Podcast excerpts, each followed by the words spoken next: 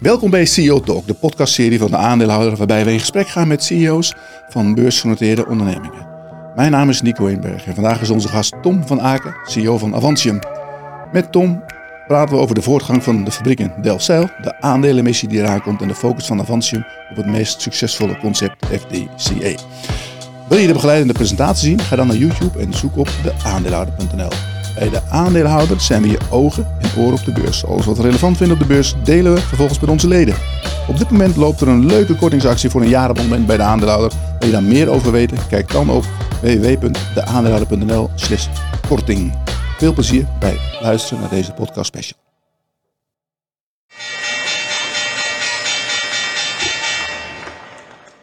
Leuk dat je kijkt naar CEO Talk. De podcastserie van de aandeelhouder, waarbij we in gesprek gaan met CEO's van beursgenoteerde ondernemingen. Mijn naam is Nico Inberg en vandaag is mijn gast Tom van Aken, CEO van Avantium. Tom, welkom. Leuk dat je er bent. Uh, je had een drukke dag gisteren. Ik heb het op Markets Day voor uh, ja, beleggers en voor instituten, analisten allemaal. Goed gegaan allemaal? Ja, is heel goed gegaan. We hebben, het was een hele intensieve dag, want we hadden eerst morgens de institutionele investeerders, smiddags de particuliere beleggers. Dus, uh, maar het is heel goed gegaan. Oh ja. Wie stelde nou de moeilijkste vragen? De analisten of de, de grote beleggers of de jongens van de straat? Nou, ik vond eigenlijk dat de particuliere beleggers, uh, die stelden eigenlijk uh, toch opvallend veel goede vragen. Het was echt, was echt een hele leuke sessie die we met ja. particuliere beleggers hebben gehad. Oké, okay. nou dat is leuk om te horen. We gaan vandaag die presentatie opnieuw helemaal doorlopen. Um, we hebben aan het eind nog, tenminste, daar komen we misschien ook ondertussen langs, maar we hebben veel vragen binnengekregen ook van die particuliere beleggers. Dus die komen misschien nog aan bod vandaag. En anders aan het eind van de sessie. Maar ik stel voor, Jordi, dat we de presentatie erbij halen. Daar staat hij al. En dan beginnen natuurlijk heel even met de disclaimer, belangrijk. Heel even in beeld moet hij staan. En dan gaan we door met uh, de speakers van vandaag. En er staat uh, natuurlijk Boudewijn Waarschijnlijk, die is er niet bij vandaag, maar jij bent er wel. Hè? Um, Tom, je zit al heel lang bij Avantium. Uh, ik dacht vanaf 2005 zo'n beetje. In 2005 ben ik uh, CEO geworden. In tweede, eind 2002 ben ik bij Avantium komen werken. Toen was, oh, het, echt nog een, toen was ja. het echt nog een start-up bedrijf. En toen ben ik in 2005 gevraagd om, uh, om CEO te worden. Dus ik zit hier echt al... Uh, ja, we zijn hier al een hele tijd mee bezig om dit bedrijf te bouwen. Dat is echt al een hele tijd. Ja. Goed. Nou, het, het wordt spannend, want Inflection Point komt eraan, las ik. Dus we gaan kijken wat, we er, wat er gaat gebeuren straks. Um, laten we kijken naar de eerste, eerste slide. Belangrijke thema's van die, die beleggersdag ja. gisteren? Ja, het, het, ik denk dat het belangrijkste thema was uh, dat we bij een kantelpunt aankomen van de, de ontwikkeling van ons, uh, van ons bedrijf. We zijn een fabriek aan het bouwen in Delfzijl. Die is bijna klaar en die gaan we volgend jaar gaan we die, uh, gaan we die opstarten. Ja. Um, en ja, ik heb ook verteld aan mensen, ik ben als ik daar ben en ik, ik ben daar nu de laatste tijd heel erg regelmatig, ben ik ook echt enorm trots dat ik was natuurlijk bij toen we het eerste experiment deden in 2005 om deze nieuwe technologie te ontwikkelen. Ja. Als je daar dan staat en je ziet dat er nu echt een grote fabriek wordt gebouwd. Ja. En niet alleen ik, maar het is ook als ik daar met partners ben, dus met, met potentiële klanten, dat je gewoon de uitdrukking op het gezicht ziet van, ja, holy shit, dit is ja. nu wel gewoon, dit is niet meer in dat gaat gebeuren. Het, gaat nu echt gebeuren. Ja. Hier zien we die fabriek even, heel even toch? Dit is hem. Uh, ja, dat is die. Hij dat is al bijna af, toch? Ja, hij is bijna af. En uh, we zijn, uh, ja, dit is in Delfzijl, dit, in het noordoosten van Nederland. En ja, het, is natuurlijk, het is natuurlijk echt wel heel erg gaaf dat je als... Uh, we zijn begonnen als start-up, we zijn inmiddels een, een scale-up. Maar dat wij zo'n enorm project uh, ja, zeg maar neerzetten. En ook dat we ja, 15 klanten hebben gevonden om het product uit deze fabriek uh, af te gaan nemen. Zullen we natuurlijk vandaag verder over praten. Maar dat is iets wat gewoon heel bijzonder is om ja, als bedrijf een nieuw plastic materiaal naar de markt te brengen. Dus dat Ja. is iets wat, uh, wat, uh, ja, wat ook uh, heel erg aansprekend is voor, voor, voor investeerders. Oké. Laten we eens even teruggaan naar het begin. Hè? Want eigenlijk de purpose, de, de, ja, waarom jullie bestaan eigenlijk, is om ja, de plastics te vervangen. Ja, als je kijkt naar plastic, is, heeft eigenlijk twee problemen. Het maken van plastic, er ontstaat ontzettend veel CO2 bij. Dus ze zijn heel erg, um, heel erg slecht voor het klimaat. En Plastic is zo ontzettend groot geworden in de wereld dat uh, heel veel van ja, dat plastic afval dat belandt ook uh, helaas in het milieu. Dus er zijn wat dat betreft eigenlijk twee problemen die je probeert op te lossen. Je moet zorgen dat er minder CO2 wordt uitgestoten en dat er uh, iets gedaan wordt aan het plastic afval. En um, ja, daar houdt Avantium zich mee bezig om te zorgen dat we hier wat aan gaan doen. En het probleem is echt heel anders dan de energietransitie. De energietransitie die, dat is eigenlijk zeg maar fossiele brandstoffen die we vervangen door windenergie of zonne-energie. -hmm. Maar hier heb je, ja, de, je hebt de koolstof heb je nodig. Dus die koolstof die moet je niet meer halen uit aardolie of uit, uh, uit gas of kolen. Maar die moet je dus halen uit hernieuwbare bronnen. Dus het is een enorm fundamentele transitie voor de chemische industrie. En ja, wij hebben daar denk ik een hele mooie uh, oplossing voor. Uh, om te zorgen dat, dat, uh, dat deze problemen kunnen worden opgelost. Ja, nou die gaan we eens even bekijken. wat zien we hier? Nou, als je kijkt naar de verandering die er gaat, en dan zie je dat die verandering eigenlijk steeds sneller gaat. En die wordt eigenlijk ingegeven door twee dingen. Je hebt aan de ene kant heb je consumenten. Consumenten worden zich steeds bewuster uh, van uh, ja, hoe slecht plastic is. Er is ontzettend veel weerstand als ik met mensen spreek over dat er zoveel plastic gebruikt wordt. En ook ja, ja. Uh, wat er met alle plastic afval moet gebeuren. Je ziet ook dat de politiek en in regelgeving, dat daar steeds meer, zowel in Europa, maar ook nu in Amerika, dat men dat wil veranderen. Dat die, die plastics die uit aardolie worden gemaakt, worden vervangen door duurzame alternatieven. Mm -hmm. En het bedrijfsleven speelt daar dus ook op in. Dus als je kijkt naar alle grote merken in de wereld, die erkennen dat het plasticsprobleem heel erg groot is. Die hebben er allemaal doelen zichzelf opgelegd om ja. dat te verbeteren. Maar je ziet eigenlijk dat ze zich alleen maar op dit moment nog richten op recycling. En recycling, dat gaat toch niet uh, de oplossing uh, worden. Want we gaan ons niet uit dit probleem recyclen. We moeten wat dat betreft echt met meer fundamentele oplossingen komen. En dat is precies waar Avantium zich mee bezighoudt. Is het nou zo dat, dat, die, dat die bedrijven dat doen omdat het ja, gevraagd wordt door de consument? Of is er ook bij hun zelf een sense of urgency dat ze zeggen van nou, we moeten nu echt wel wat gaan doen? Ik denk allebei.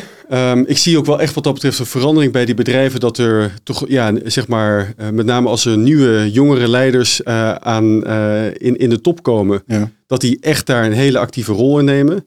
Maar ik denk dat het belangrijkste voor die bedrijven is dat ze zien dat de consumentenhouding aan het veranderen is. En daar willen ze op inspelen. En ze willen zich wat dat betreft natuurlijk ook echt uh, ja, ja, laten zien als, als, een, uh, als een meer duurzaam ja. gericht bedrijf. En dat zie je eigenlijk bij alle grote bedrijven over de hele wereld zie je dat, zie je dat gebeuren. Ja. Ja, oké. Okay. Ja, dus je hebt, je hebt eigenlijk de consument heb je mee, de, de overheid heb je mee en je hebt nu ook de bedrijven mee. Dus ja. wat dat betreft van alle kanten eigenlijk de wind ja. mee. Alright. Nou, gisteren vertelde je op de, in de webcast die je gekeken hebt dat, dat dit een van de, ja, de slides was waar je het meest trots op was. Uh, ja, leg maar uit waarom. Ja, nou kijk, we zijn hier natuurlijk uh, al behoorlijk uh, een tijd mee bezig. Maar als je kijkt welke bedrijven zeg maar, zich, zich gecommitteerd hebben aan Avantium en het, en het gebruiken van PEF. Er zitten -hmm. Louis Vuitton, Carlsberg, Frisco. Grote um, namen. Grote Echt bedrijven. recent Albert Heijn. En dan zie je dus dat die bedrijven, en die, als je kijkt naar al die bedrijven, um, het neemt ongelooflijk veel tijd en uh, ja, een enorme, uh, het kost enorm veel kracht om die bedrijven zich uh, aan je te laten committeren. Want het, het, het, grootste goed wat ze hebben is hun merk. Ja. Dus als je bij die bedrijven bent en je zegt, ja, ik wil dat je je merk verbindt aan PEF, aan het nieuwe materiaal wat Avantium ontwikkelt, dan is dat iets waar moet je enorme hoeveelheid sceptisch overwinnen. En ja, ja. Daar zijn we de afgelopen jaren enorm um, druk mee bezig. Maar ook moet je kijken welke voor mooie bedrijven hier opstaan. Ik denk dat er weinig bedrijven zijn zoals Avantium die zoveel sterke merken, bedrijven uh, aan zich hebben weten te binden. Om deze transitie te, te kunnen doen en om te zorgen dat wij slagen in onze missie om deze nieuwe, dit nieuwe plastic materiaal naar de markt te brengen. Hoe zitten dan die contracten in elkaar met een LVMH bijvoorbeeld? Hebben zij uh, uh, toegezegd dat ze jullie producten gaan gebruiken? Of uh, is er al een, een letter of intent of, of echte contracten al? Hoe zit dat in nee, elkaar? Dat, dat is, er wordt wat dat betreft in, onze, in de wereld waar ik in leef heel veel gescherpt met mooie zeg maar contracten. Maar wat ja. wij hebben zijn echte afnamecontracten. Dus dat okay. zijn contracten voor tenminste vijf jaar waar een prijs zijn afgesproken, waar specificaties zijn afgesproken, waar alle juridische termen zeg maar, zijn afgesproken. Het zijn Ja. dikke contracten waar lang, waar maanden over onderhandeld is. En pas als we die contracten hebben, dan komen wij naar buiten van dit bedrijf heeft zich echt vastgelegd Ja. en eh, verbonden aan het afnemen en gebruiken van dit, eh, van dit product. Ehm, dus ja, dat zijn, hele, dat, zijn echte, dat zijn echte commitments. Oké. Ehm, dan gaan we even hier kijken. De producten die hier staan. Hè, dat is, eh, nou, misschien is het goed om eerst even te hebben over Albert Heijn. Want dat hebben we al meegekregen een paar weken geleden. Of een maand geleden, want dat was het alweer. Dat jij eh, in je eigen Albert Heijn daar staat, geloof ik. Haarlem. Ja, dit is, Albert Heijn, dit, dit is mijn Albert Heijn. Dus ik zeg, dit is maar de Albert Heijn waar ik normaal gesproken Ja. mijn, eh mijn Dat is wel leuk dat je doe. dat in je eigen Albert Heijn kunt doen. Ja, en dat is een foto die we gemaakt hebben met, eh, met Marit van Egmond, met de CEO van Albert Heijn. En wat we hier laten zien is, eh, is eigenlijk de eerste fles die we... eh, dit is het eerste Ja. product wat we met Albert Heijn naar de markt gaan brengen. Dat is eh, een, een fles met, ehm, eh, met sinaasappelsap van Eigen een huismerk. En het is een samenwerking met zowel met Albert Heijn als met Refresco. Dus Refresco gaat deze fles maken, die vult hem af. Die levert hem af bij, bij Albert Heijn. En Albert Heijn gaat die, en we verwachten dat hij begin 2025 uh, in, op het schap ligt. En dat betekent okay. dus dat of anderhalf we allemaal jaar, snel. In, uh, in onze eigen zeg maar, ja, supermarkt uh, PEF kunnen gaan gebruiken. En dat is natuurlijk een enorme stap vooruit, want we, we, verwachten dat je die, en dat zijn een aantal andere voorbeelden, we verwachten dat je PEF overal gaat zien. Maar om de grootste supermarktketen in Nederland te hebben die zich hier aan heeft verbonden. En die fles is het eerste product. Dus we, gaan, we zijn bezig met Albert Heijn om in al hun andere zeg maar, huismerkproducten te kijken. Waar kunnen ze PEF gaan gebruiken? Dus in, uh, in fruitverpakkingen, in groenteverpakkingen, vleesverpakkingen, in koffieverpakkingen. Daar kunnen ze dus, overal voor gebruiken. Ja, en dat is het. Dat is wel echt het bijzondere van dat Albert Heijn zich, hoe Albert Heijn zich aan heeft uh, uh, ja, aan verbonden. Mm-hmm. Zij willen echt kijken waar past PEF nog meer. Ze, ze zien dat ze een plastic probleem hebben. Ja. En zij zijn nou een van die bedrijven die zich ook echt ja, hun nek uitsteken om dat probleem op te, op te ja. lossen. En dat is natuurlijk precies wat Avantium nodig heeft, is merken die niet alleen maar erover praten en mooi uh, zeg maar aan greenwashing doen, maar die echt wat doen. En dat vind ik nou juist zo mooi aan die samenwerking met Albert Heijn. Maar het werkt natuurlijk ook andersom, want ik, we hebben daar een aantal weken geleden een artikel over geschreven, maar ik heb ik even gekeken in die, die duurzaamheidsparagraaf van Albert Heijn.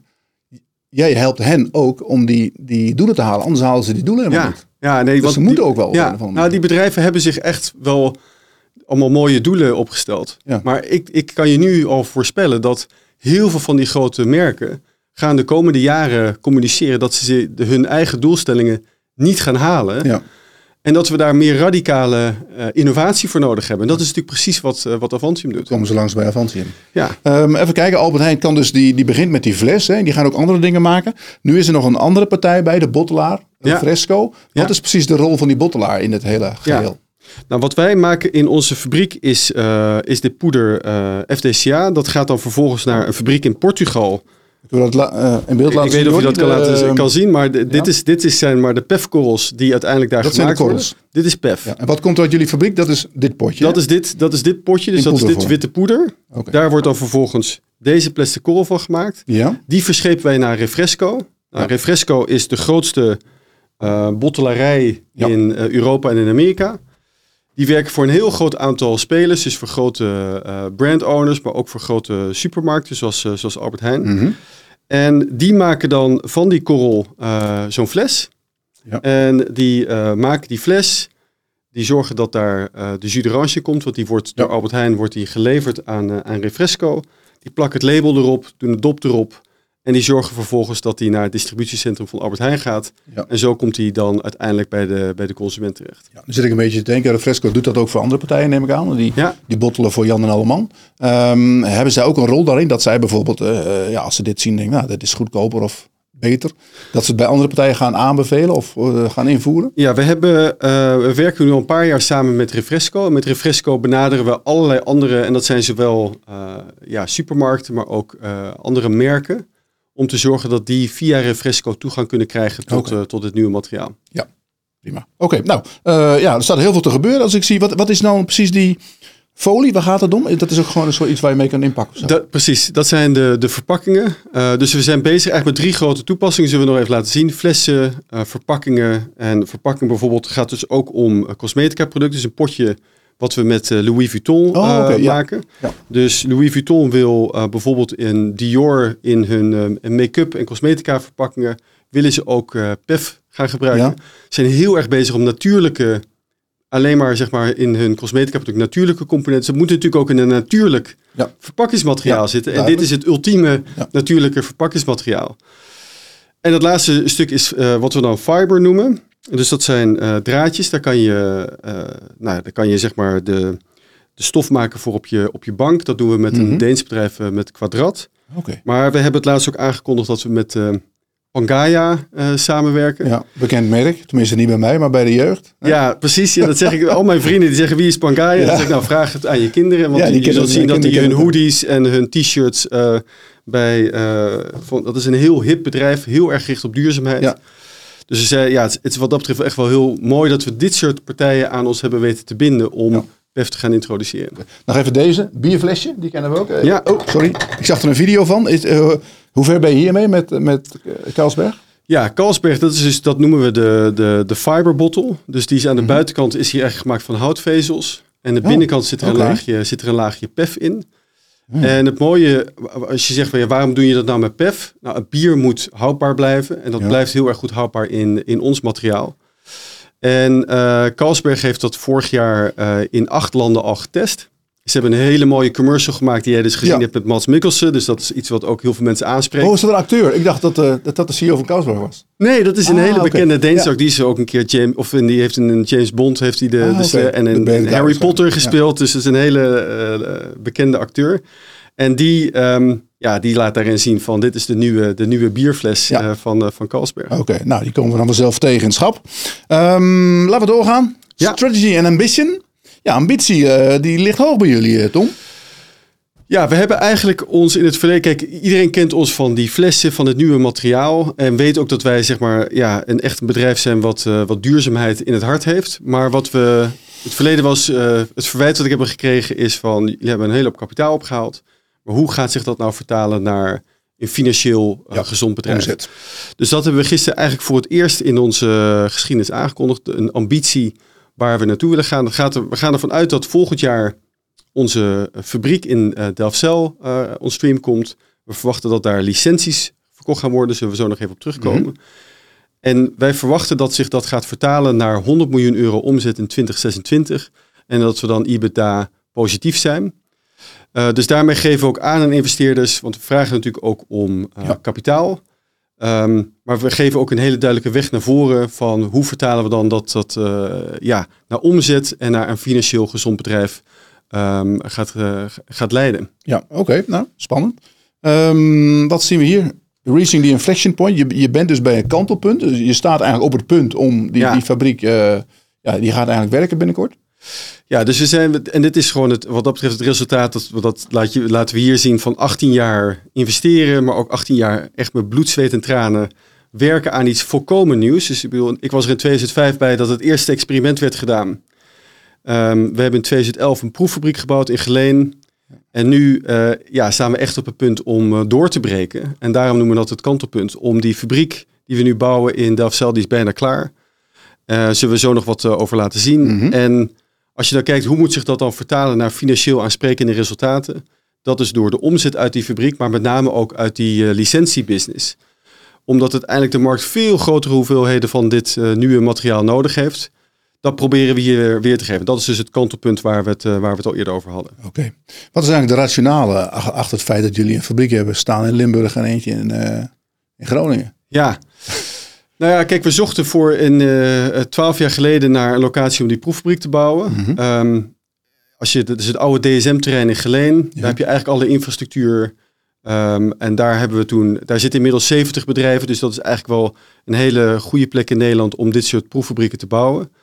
Uiteindelijk hebben we natuurlijk het, een andere plek moeten vinden om onze grote fabriek eh, neer te zetten. We wilden het liefst doen ehm, met de zeehaven. Eh, voor de aanvoer van, eh, Mhm. van producten. Maar je moet zorgen natuurlijk dat je alle infrastructuur hebt. Ja. En ook uiteindelijk dat je financiële eh, support krijgt. En dat hebben we in Groningen echt gekregen. Dus wat dat betreft heeft Groningen bepaald... Delfzijl moet echt de hub worden van, van groene chemie. En om die reden hebben we gekozen om dat in, in Delfzijl te doen. Is dat al een groot chemisch industriepark. Dus het past heel erg goed eh, in infrastructuur en ook in, eh, als je kijkt naar mensen die we daarvoor nodig hebben. Oké, duidelijk. Prima. Ehm, dan gaan we naar FDC, hè, want hier, hier draait het allemaal om. PEF, je hebt het net al laten zien, hè, de Ja. flesjes in de korrels. Ehm, hier zie je procedé, neem ik aan. Ja, dus we vergeleken, eh, mensen die vragen zich af wat is PEF? Dus dan probeer ik altijd even te beginnen. Nou, PET, dat kent iedereen, want iedereen drinkt zijn cola PET-fles. en zijn. eh, maar ook eh, als je kijkt in het textiel eh, en al je sportshirts zijn gemaakt van, van polyester. Dus hoe maak je dat? Dat maak je van aardolie. Maak je twee producten uit. Die zie je hier en zo maak je eigenlijk PET. En dat gebeurt op gigantisch grote schaal. Nou, als je nu kijkt naar even recent deze week eh COP28 is er afgesproken, we gaan fossiele grondstoffen gaan we uitfaseren. Nou, dat is aan de energietransitie, zoals ik al zei, zijn allemaal mogelijkheden voor. Maar voor de chemische industrie is het nog een veel fundamentelere, eh, want dat betekent dat de grondstoffen, dat we die ergens anders vandaan moeten gaan halen. Die kunnen we dus niet meer uit de grond halen. We Mhm. moeten zorgen dat we de koolstof die we boven de grond hebben, dat we die gaan gebruiken. Nou, de meest voorkomende vorm van koolstof bovenop de grond zijn plantaardige suikers. Dat is eigenlijk een heel logisch startpunt. Dus wat we gedaan hebben, we hebben een technologie ontwikkeld om vanuit plantaardige suikers die twee ingrediënten te maken, MEG en FDCA. En als je die samenvoegt, krijg je het, eh, het nieuwe, de nieuwe kunststof, de nieuwe, nieuwe plastic, wat volledig gemaakt wordt van eh, ja, plantaardige grondstoffen. Dat heet, dat heet PEF. Daar zijn we dus al die jaren mee bezig om dit eh, naar de markt te brengen. Ja, oké. De, de, de, de kwaliteit van zo'n fles, hè? Is, die dan, is die dan heel anders? Weet je niet? Oh, daar komen we straks misschien Ja, daar komen, daar komen we zo op terug. Het is, want dit is de eerste keer dat er een, zeg maar, een, zo'n ja, plantaardig product komt. Mhm. Dat beter is dan wat je uit aardolie kan maken. En dat zit, dat, daar zit een heel diep misverstand in, in de industrie. Iedereen, en ook in, in de wereld, iedereen lijkt te denken dat wat je uit olie kan maken, dat dat beter is Ja. dan dit soort plantaardige producten. En wij hebben bewijs hier Ja. dat je dus eh, kunststoffen kan maken van ja, zonder fossiele grondstoffen te gebruiken, die beter zijn dan wat je uit aardolie kan maken. En dat is eigenlijk de eerste keer dat dat gebeurt, dus dat is echt wel een unieke, eh, unieke gebeurtenis. Oké. Dan gaan we even naar de feedstock. Dus ja, waar, waar wordt het van gemaakt? Dat, dat komt uit eh, Frankrijk en België, begreep ik. Ja, wat we gebruiken voor de fabriek in Delfzijl is, eh, die, de, ja, je hebt verschillende vormen van suiker, dat, is, dat noemen we fructosesiroop. Dat wordt gemaakt uit tarwe. Dus de tarwe komt uit, uit Frankrijk en uit, en uit België. Dat wordt dan vervolgens omgezet naar zetmeel. Uit dat zetmeel wordt dan fructosesiroop gemaakt. Dat gaat naar de fabriek in Delfzijl. En daar maken wij dan FDCA en uiteindelijk PEF van. Ehm, dus dat is wat we nu gebruiken. Je kan het in, als je het in Amerika zou doen, dan zou je waarschijnlijk niet tarwe gebruiken, maar dan gebruik je mais. Mhm. Je zou ook Ja. eh, suikerriet of suikerbieten kunnen gebruiken. Het ligt een beetje aan waar je bent in de wereld om dat soort grondstoffen te kunnen gebruiken. Ja, nu is de vraag natuurlijk een beetje, want eh, ja, ik bedoel, dit soort grondstoffen worden in principe gebruikt om te eten. Concurreer je dan de voedselketen of eh, hoe zien jullie dat? Ja, die vraag krijg ik, eh, nou, ik denk eh, wekelijks, als het niet Mhm. dagelijks is, krijg ik dat gesteld. Van, hey, ben je aan het concurreren met de voedselketen? Natuurlijk willen wij niet concurreren met de voedselketen. Aan de andere kant, als je gewoon gaat kijken naar tarwe en naar mais, dan wordt dat ook gebruikt om het zetmeel voor papier te maken, om biobrandstoffen van te maken. En met name ook heel veel gebruikt om te zorgen dat eh, zeg maar de, de veestapel genoeg eh, kan eten. Ja, Dus voedsel zelf is eigenlijk maar een heel klein stukje. Maar het is een heel diep emotioneel argument dat mensen niet willen dat je met voedsel concurreert. Dus we zijn ook begonnen om te kijken naar, kunnen we nou ook niet eetbare grondstoffen gebruiken? En dat zie je hier ook op deze slide, dat noemen we tweede generatie grondstoffen. Dat Ja. betekent eigenlijk dat je naar plantaardige grondstoffen gaat kijken die niet voor voedsel geschikt zijn. Dus dat zijn houtsnippers, dat is landbouwafval. Dus dat, eh, daar zijn we mee bezig, onder andere met een partner in, eh, in Amerika, met Origin. ja. We zijn er ook zelf mee bezig. En wat we gisteren hebben aangekondigd, waar we nu ook aan werken, is om textielafval Oh ja, te gebruiken. kleding. Dus precies, dus als je kijkt naar nou, een spijkerbroek die je niet meer draagt, ja. eigenlijk wordt die gemaakt van twee producten, van katoen en van polyester. En dat is een heel moeilijke combinatie op dit moment om te recyclen. Ja. Dus er is een gigantische berg met textielafval, wat elk jaar gemaakt. En dat, eigenlijk kan je maar één ding mee doen op dit moment, en dat is het verbranden. Ja. Nou, wij hebben dat, eh, dat kunnen wij nu in ons proces, eh, in onze DON-proces, zoals we dat noemen, gebruiken. Om te zorgen dat aan de ene kant de polyester gebruikt wordt, gemaakt kan worden, geschikt gemaakt kan worden voor de recycling. Maar dat we de katoen gebruiken als grondstof om PEF van te maken. Dus op die manier kunnen we ook daar weer een oplossing voor bieden. Om te zorgen dat we dus meer niet eetbare grondstoffen kunnen gaan gebruiken. Ja. En, dat, en dat is wel mijn ja, les na 18 jaar hiermee bezig te zijn. Je moet je niet willen verbinden aan één gewas of aan één type grondstof. Nee, nee. Overal over de wereld zijn die discussies anders.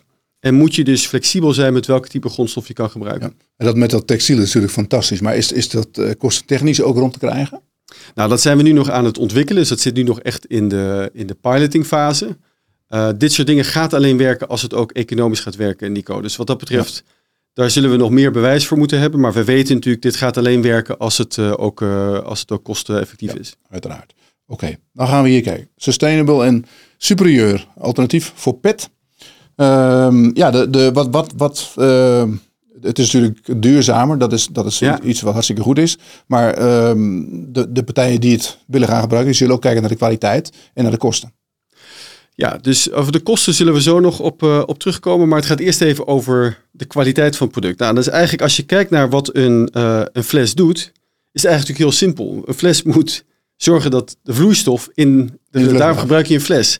Maar je moet niet vergeten, je gebruikt heel veel eh, koolzuurhoudende dranken, dus frisdranken, bier, daar zit koolzuur in. Mhm. Als je dat koolzuur in een fles hebt, dan heeft dat de neiging om door de zijwand van de fles naar buiten te gaan. Oh ja? En ja, de meeste mensen denken dat het door de dop gaat, maar dat gebeurt niet. Het gaat door de zijwand van de fles. Oké. Nou, hoe goed zo'n fles in staat is om het koolzuur in die fles te houden, dat noem je de barrière-eigenschappen van de fles. Aha. Nou, PEF heeft acht keer be- is acht keer beter om CO2 tegen te houden dan PET. Wat betekent dat? Dus dat je, betekent of dat het materiaal veel langer houdbaar is, Ja, of ik kan dunnere en lichtere flessen maken van PEF dan ik van PET kan maken. oké. En wat wordt het van die twee? Dat ligt eraan in welke toepassing het is. Dus Ja.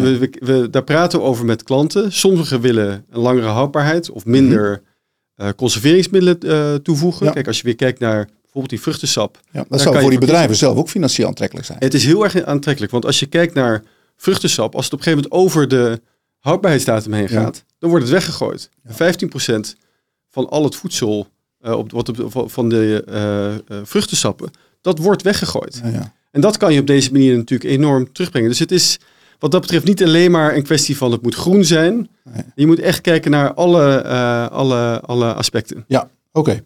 Ehm, even kijken, waar zijn we? Zijn we hier? De, ehm, de, eh, toepassingen, daar hebben we net ook al veel van gezien Ja. natuurlijk. Nou ja, kijk, dat is wel iets wat eh denk ik voor heel veel mensen heel aansprekend is aan dit product. Dit is een product wat je dus op heel veel vers- verschillende momenten van de dag gaat tegenkomen. Ja. Dingen in je, in, die je de, de voedselproducten en, en dranken die in je ijskast, de kleding die je draagt, de bank waar je op zit, de verpakkingen die je hebt. Eh, zelfs in je iPhone ga je het zo terugzien. Want de, we werken met Henkel samen aan lijmen die gemaakt zijn op basis van FDCA. Mhm. Dus dit is een product wat je op ongelooflijk veel plekken terug gaat zien. Dus het zijn ook hele grote markten. En dat is natuurlijk toch hetgeen wat, eh, ja, waarom heel veel mensen denken van ja, dit kan wel eens heel erg groot gaan worden. Ja. Omdat het in zoveel verschillende toepassingen gebruikt kan worden. Ja, hier zien we al die markten. Hier zien we die markten, hoe, de- hoe zich eh, dat gaat ontwikkelen. Ehm, laten we links beginnen. 2025, dat is dus uit jullie eigen Dit- fabriek in ja. Delfzijl. Ja, dat, dan is het product eigenlijk omdat een vijf, we, we bouwen een 5000 ton fabriek. Voor de meeste mensen zegt dat niet zoveel, maar dat is in de wereld van plastics een hele kleine fabriek. Bedoel, je, hij zag er wel groot uit op de foto. Maar als je kijkt, vergelijkt met grote fabrieken die nu gebouwd worden, is hij ongeveer 100 keer kleiner. En dat betekent dat het materiaal eigenlijk relatief duur is. Ja, oké. Eh, want je hebt schaalgrootte nodig je hebt die, eh, om, om die kosten naar beneden te brengen. Nou, wij wilden in het begin een kleine fabriek bouwen om te laten zien het werkt. Daarvoor, Mhm. daarvoor dient die fabriek. Maar dat betekent dus dat we een vrij hoge eh, kostprijs hebben. Daarom verkopen we het materiaal nu toch ongeveer 10 euro per kilo. Dat is duurder dan de meeste plastics die we gebruiken. Maar dat is omdat het nieuw is en omdat het zo'n Ja. mooie eigenschappen heeft, zijn mensen dat nu nog bereid te betalen. Maar belangrijk is natuurlijk om in de toekomst te kijken, als ik grotere fabrieken ga bouwen, wat gebeurt er dan met die prijs? En dat zie je eigenlijk op deze slide. Je ziet in het midden, als ik het op een 100 kiloton fabriek doe, dus die is weer 20 keer groter dan wat wij bouwen. De eerste licentie die we verkocht hebben in Amerika is voor een 100 kiloton eh, Mhm. fabriek. Dan zie je dat die. PEF-prijs naar 5 gaat. En dat is het prijsniveau waar ik, dat zal ik op de volgende slide laten zien, dan kan ik met aluminium en glas concurreren. Ja. Als ik het dan vervolgens in echt grote fabrieken ga doen, dus 250 kiloton, eh, dan zie je dus dat de PEF-prijs naar 2, 2,5 euro gaat. En dan kan ik concurreren met PET. Dan kan ik eigenlijk met alle materialen die er nu op hele grote schaal gebruikt worden, dan kan ik het echt in ja, wat wij Ja. dan commodity applicaties kan, kan ik het dan gaan eh, Ja. gebruiken. Stel nou dat het echt aanslaat, hoeveel van die fabrieken, dat komen er waarschijnlijk van die hele grote fabrieken. Eh, eh, ja, ja, hoeveel fabrieken moet ik, dan, moet ik me, me dan voorstellen dat er overal komen te staan? Hoe, hoe groot Ja. wordt dat dan? Nou, we hebben eigenlijk gisteren ons voor het eerst daar wat over uitgesproken. We, we richten ons eigenlijk eerst nog op de korte termijn. Dus dat is die middelste kolom in 2030. We verwachten eigenlijk de komende, als die fabriek eenmaal draait, dan verwachten we in de eerste eh, twee jaar vijf licenties te verkopen voor een 100 kiloton fabriek. Dus heb je 500 kilo, 500 keer 100, dus 5 keer 100 kiloton Ja, fabriek. Dus ja. totaal 500.000 ton capaciteit. Dat is 6,5% van die middelste kolom. Ja. Alleen als je dat vergelijkt in de totale, in de, in de, in de, in de grafiek rechts, dan, is Mhm. het, dan is dat een half procent. Ja. Dus ja, dat is toch allemaal nog klein, maar dat duurt wat langer om echt grote fabrieken te bouwen. Dan kijk je dus, daarom is die tijdslijn naar 2035. Want dan verwachten we eigenlijk pas dat het product op echt hele grote schaal geproduceerd gaat worden. Oké. dan hier. Uh, je concurreert op prijs en je hebt natuurlijk ook andere materialen de, ja, waarmee je concurreert. Ja, nou, dus in het begin, want dit, vraag, dit is eigenlijk de meest gestelde vraag. Van oké, wat moet ik nou voor zo'n PEF-fles direct gaan betalen? We willen dit heel concreet maken en dit is eigenlijk ook de discussie die we vaak hebben met brandowners uh, van hoe, wat kost het nou? Nou, als je op een 100 kiloton fabriekschaal gaat kijken, dus PEF dus kost 5 euro per kilo. En ik zie je dan, dan zie je dus waar wat het uh, voor een uh, flesje kost. Maar we vergelijken dat met een glazen fles en met een aluminium blikje. Want dat is het prijsniveau waar we in het begin op zullen concurreren. En dan zie je dat het goedkoper is dan glas. Het is iets duurder dan aluminium. Mhm. Maar toch is dit een hele interessante propositie. Waarom? Het is veel vriendelijker voor het milieu. Dus kijk maar naar die percentages eronder. Maar wat de meeste mensen zich niet realiseren is dat aluminium blikjes hebben aan de binnenkant hebben ze een laagje uh, epoxy uh, hars zitten. En dat zijn producten waar langzaamaan een aantal chemicaliën uitlekken die weer uh, impact hebben op je gezondheid. Oké. Dus er zijn heel veel redenen om weg te willen gaan bij die blikjes. Mhm. Het heeft ook impact op smaak. Dus wij denken dat we in dat stuk al eigenlijk een heel erg interessant. Uh, um, en je ziet daar concurreren we nog niet met PET. Want die kleine flesjes, daar kan PET eigenlijk niet in concurreren, omdat het niet genoeg ja, die koolzuur van Oh, die drankjes in de, in Ja. de fles kan houden. Nou, als je dan gaat kijken naar de rechterkant van de slide, als het nou echt groot gaat worden, dan zie je dus dat we in dezelfde orde van grootte zitten, van dezelfde kostprijs zitten als PET. Dus als mensen zeggen, ja, maar in de toekomst is dit nou iets wat de consument zich kan veroorloven? Ja, kijk maar hier. Het is dus een product dat veel beter is voor het milieu. Het is wat lichter.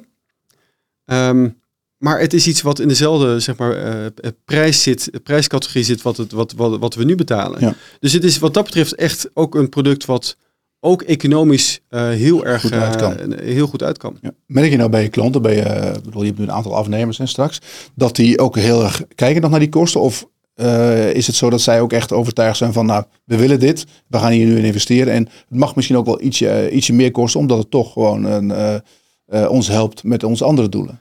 Ja, eigenlijk zie je dat die, al die grote merken kijken naar prijs, kwaliteit en duurzaamheid. Dat zijn eigenlijk de drie criteria die ze leggen. Nou, aan de kwaliteit wordt niet getwijfeld. Ik bedoel, het is gewoon een superieur product, dus daar wordt iedereen heel erg enthousiast van. Duurzaamheid, we hebben la- laten zien dat we, we zijn 62% lagere eh, koolstofafdruk, voet- voetafdruk dan PET. Mhm. En nog beter dan aluminium, nog, nog een stuk beter dan aluminium en glas. Ja. Dus dat is ook veel beter. Dus dan kom je natuurlijk uit van, oké, maar kunnen we het ons dan veroorloven? Kunnen we dit betalen? Mensen realiseren zich, in het begin is het wat duurder, omdat we nog niet op dezelfde schaal produceren. Maar ze hebben allemaal nu zicht op, maar die prijzen zullen omlaag gaan. Ja. En komen dan uiteindelijk uit op, op de plek waar ze ook nodig zijn. En dat is natuurlijk een enorm belangrijk Ja. argument voor ehm, al die eh, partijen met wie we werken. Dat ze, dat ze echt zien van, hé, hey, maar op termijn gaat dit gewoon echt en ook economisch heel goed werken. Als je kan opschalen, heb je gewoon een goede prijs en dan is dat Ja. eh, geen issue. Oké, nou, de fabriek in Delcel hadden we het net al even over. Ehm, daar gaan we heel, heel even kijken. We hebben een video, jullie hebben een video gemaakt. Die gaan we nu even instarten. Kunnen we even kijken hoe het ermee staat. Hier komt nu een video over de fabriek in Delfzijl. Wil je deze video zien? Ga dan naar YouTube en zoek op de aandeelhouder.nl. Nou, dat was Delfzijl. Wel een stukje rijden, Tom, vanuit Amsterdam. Ja, dat is. En ik, ik, rijd er, ik rijd er echt vaak naartoe, Nico. Ja? Dus dat is. eh, en hoe vaker je het rijdt, des, des, te, des te korter het. Des Ik hoop dat je een goede kilometervergoeding hebt.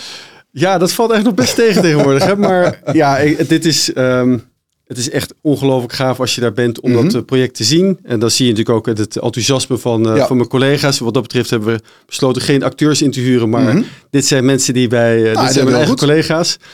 En, ehm, maar belangrijk voor wat we gisteren hebben gezegd, is heel veel mensen willen weten van oké, maar gaat die fabriek nu, hoe, hoe, hoe gaat het met de bouw? Ja. Nou, dan kijk je nu naar de tijdslijn en dan zie je dus dat we, ja, we zijn bijna zover dat we kunnen gaan starten met wat we dan commissioning activiteit, dat is eigenlijk de stap voordat je hem kan gaan opstarten. En we verwachten na de zomer dat we die fabriek Ja. eh, in 2024 eh on stream eh, gaat komen. Zijn jullie veel uitgelopen qua, qua planning? Dat valt is wel, dat valt, ik vind dat het heel erg meevalt. We hebben natuurlijk wat supply chain, dus een aantal hebt een onderdelen. rare tijd achter de rug. Ja, en dat zijn natuurlijk met name ook een aantal onderdelen die er wat langer over hebben gedaan om, om, om geleverd te krijgen. Dus uiteindelijk hebben we, een, nou, vergeleken met de, de oorspronkelijke tijdslijn, is het denk ik drie tot zes maanden later. Maar dit, de tijdslijn die je hier nu ziet, Ja. die hebben we eigenlijk al anderhalf jaar geleden gecommuniceerd. Dus wat dat betreft, ehm, ja, ben ik er echt trots op dat we het project zo goed, uh, goed op het spoor weten te houden. Oké, nou we gaan het zien binnenkort uh, aan het werk daar in uh, Delfzijl. Dan um, is het de bedoeling dat jullie uiteindelijk niet zelf overal die fabrieken gaan bouwen, maar dat laat je door andere partijen doen en die betalen jullie een, een licentiefee daarvoor, toch? Zeg ja, dat goed zo? Ja, dat vertel je goed. En um, nou, de vraag die natuurlijk komt, dan ben je dus weer afhankelijk van andere partijen. Waarom doe je dat niet zelf? Um, nou, dat hebben we geprobeerd hier uh, een samenvatting te, uh, te geven. Het zijn eigenlijk twee hoofdredenen. Ten eerste, als we het zelf zouden bouwen, je moet echt heel veel fabrieken gaan bouwen om aan de vraag te voldoen van uh, naar de, de vraag die er ontstaat naar PEF. Wat kost een fabriek ongeveer? Stel je wilt een fabriek bouwen voor, laten we zeggen, 100 uh, kiloton. Ja, orde voor als je hem nieuw bouwt, hmm. um, denken we nu dat die ongeveer 600, 700 miljoen euro uh, gaat, uh, gaat kosten. Ja. Is er een mogelijkheid om dat om te bouwen van een bestaande ja. fabriek of iets? Ja, dat is dus het, dat is het mooie ervan. Als je een bestaande uh, chemische fabriek hebt die dit soort producten al maakt, met name die, ja, zeg maar, de, dit, dit soort chemie kan, dan gaan die, zullen die kosten aanzienlijk lager uitvallen. Dan moet je nog steeds wel wat investeren, want mm -hmm. je moet hem ombouwen. Dat noemen we een retrofit. Ja. Um, maar ongeveer de helft van de partijen met wie we in gesprek zijn over licenties, zijn partijen die bestaande fabrieken willen ombouwen om okay. FDCA te kunnen maken. Dus dat is een hele belangrijke factor. Maar het blijft natuurlijk een enorm verschil of je het zelf bouwt. Het, het klinkt heel aantrekkelijk. Maar als je meerdere fabrieken wil bouwen, dan gaat het natuurlijk heel lang duren voordat wij in staat zijn om al die fabrieken te bouwen. Want je, ja. meestal bouw je er één tegelijkertijd. Dus als je er vijf ja. of tien wil bouwen, dan ben je dus heel erg lang bezig. Want het duurt twee jaar voordat zo'n fabriek gebouwd is. Dus dit gaat veel sneller. Dus dat mm -hmm. vinden onze klanten die toegang willen hebben tot het product, vinden dat natuurlijk veel fijner, omdat dit betekent dat er veel sneller gebouwd gaat worden. En het andere voordeel voor ons, het is veel meer efficiënter vanuit een kapitaalbehoefte. Als Avantium al die fabrieken zelf gaat bouwen, ja, dat betekent ik dat ik de rest van mijn leven... Ja, moet je miljarden ophalen. Moet ik miljarden ophalen. Ja. En, um, en dat terwijl er gewoon eigenlijk heel veel bedrijven zijn die dit soort dingen heel erg goed kunnen. Dus um, wij hebben ervoor gekozen om dat via uh, licentie te doen. Dat betekent natuurlijk wel dat we een deel van de waarde weggeven Mhm. mm -hmm. aan, uh, die, uh, aan die licentienemers. Ongeveer 25% van de waarde blijft bij ons. Maar het grote voordeel is, wij hoeven niet al dat kapitaal te gaan investeren. En het gaat veel sneller. Ja, nu hoorde ik gisteren ook een vraag op de, de beleggersdag dat, dat iemand zei van ja, maar dat, je geeft dan wel heel veel informatie weg aan die uh, uh, licentiehouders. En die kunnen dan als de patenten aflopen, kunnen die dat eventueel gaan overnemen? Hoe, hoe zit dat precies in elkaar in jullie wereld? Ja, dan moet je even naar de volgende uh, gaan. We hebben een enorm sterke, we hebben echt een enorm goede positie, een competitieve positie. En we lopen echt meer dan vijf jaar voor op onze concurrentie. En we hebben een hele sterke uh, patentportefeuille opgebouwd. Mm -hmm. En die patentportefeuille, um, die zie je hier. Um, en dat gaat dus over alle onderdelen van het proces. Dus hoe maken we FDCA, hoe maak je PEF, hoe maak je PEF-flessen, fibers, et cetera. Ja. Um, maar het is niet zo dat we al die patenten tegelijkertijd hebben ingediend. Dus dat, dat is iets dat doen we in laagjes. Dus ik vergelijk het meestal met een ui. Dus in het begin dien je een aantal patenten in en elk jaar weer hebben we ja. nieuwe patenten ingediend. En dat betekent dat we heel veel verschillende lagen van bescherming hebben. En een patent duurt ongeveer, duurt ongeveer duurt 20 jaar, mm -hmm. heb je daarmee bescherming. Maar als je al die laagjes hebt, dan is het dus als je eerste patenten verlopen, dan heb je weer nieuwe lagen ja. om het uh, te beschermen. Nou, het gaat niet alleen maar over uh, patent, het gaat ook over kennis en kunde. Dus uh, dat proberen we natuurlijk ook goed te beschermen. Bovendien, als iemand bij ons een licentie koopt en hij vindt toch weer iets uit wat nog weer beter is, dan gaat dat intellectueel eigendom naar uh, degene van wie de licentie is, naar Avantium. Okay. Dus op die manier kunnen wij enorm goed ja. zeg maar, onze ja, uh, technologiepositie blijven beschermen. Ja. Om te zorgen dat we ook weer elke keer verbeteringen kunnen geven aan, uh, aan onze licentienemers. Een beetje als je kijkt naar je Microsoft licentie. Mm -hmm. Daar zit ook heel veel ontwikkeling in. En op die manier blijf je... Ja, je gaat niet een eigen Microsoft versie ontwikkelen uiteindelijk koop je gewoon liever die licentie. Want dat is een veel efficiëntere ja. manier om toegang te houden ja. tot die technologie. Het is dus niet zoals in de wereld van, van uh, medicijnen bijvoorbeeld, dat wanneer een patent afloopt, dat dan uh, je medicijn vogelvrij is en dat een ander de, met de business vandoor gaat. Ja. Dat, dat, werkt bij jullie niet. Nee, dat werkt bij ons anders. En in de chemische industrie werkt het over het algemeen anders. Want het gaat niet over één product. Dat is natuurlijk bij de farmaceutische industrie zo. Als dat ene uh, composition of met een ja. patent afloopt, dan, ben je eigenlijk, dan, dan komen er allemaal generieke producenten. Dit is wat dat betreft heel anders gepatenteerd. En veel moeilijker om, uh, om te kopiëren. Oké. Okay. Die, die, die patenten, nog, nog even over deze slide, want die, ik zie hier over de hele wereld. Moet je die patenten per werelddeel of per, per eh, ja, land eh, registreren of zo? Dat je in Amerika een patent moet, en ook in Europa moet hebben op een of andere Ja, manier? ja dus je, je kan het in het begin indienen, zeg maar, op één generieke manier. Uiteindelijk, als de patenten worden toegekend, moeten we in al die landen, moeten we het... En dat is een enorm... eh, Nog gedoe. Moet, ja, enorm gedoe. Dus we hebben ook echt een patentafdeling Ja. met allemaal mensen met heel veel expertise. Die werken weer met bureaus in Japan, in Brazilië. Het moet allemaal vertaald worden. En dat is wat nodig is om te zorgen dat je je Ja. IP-positie eh, zo goed beschermt.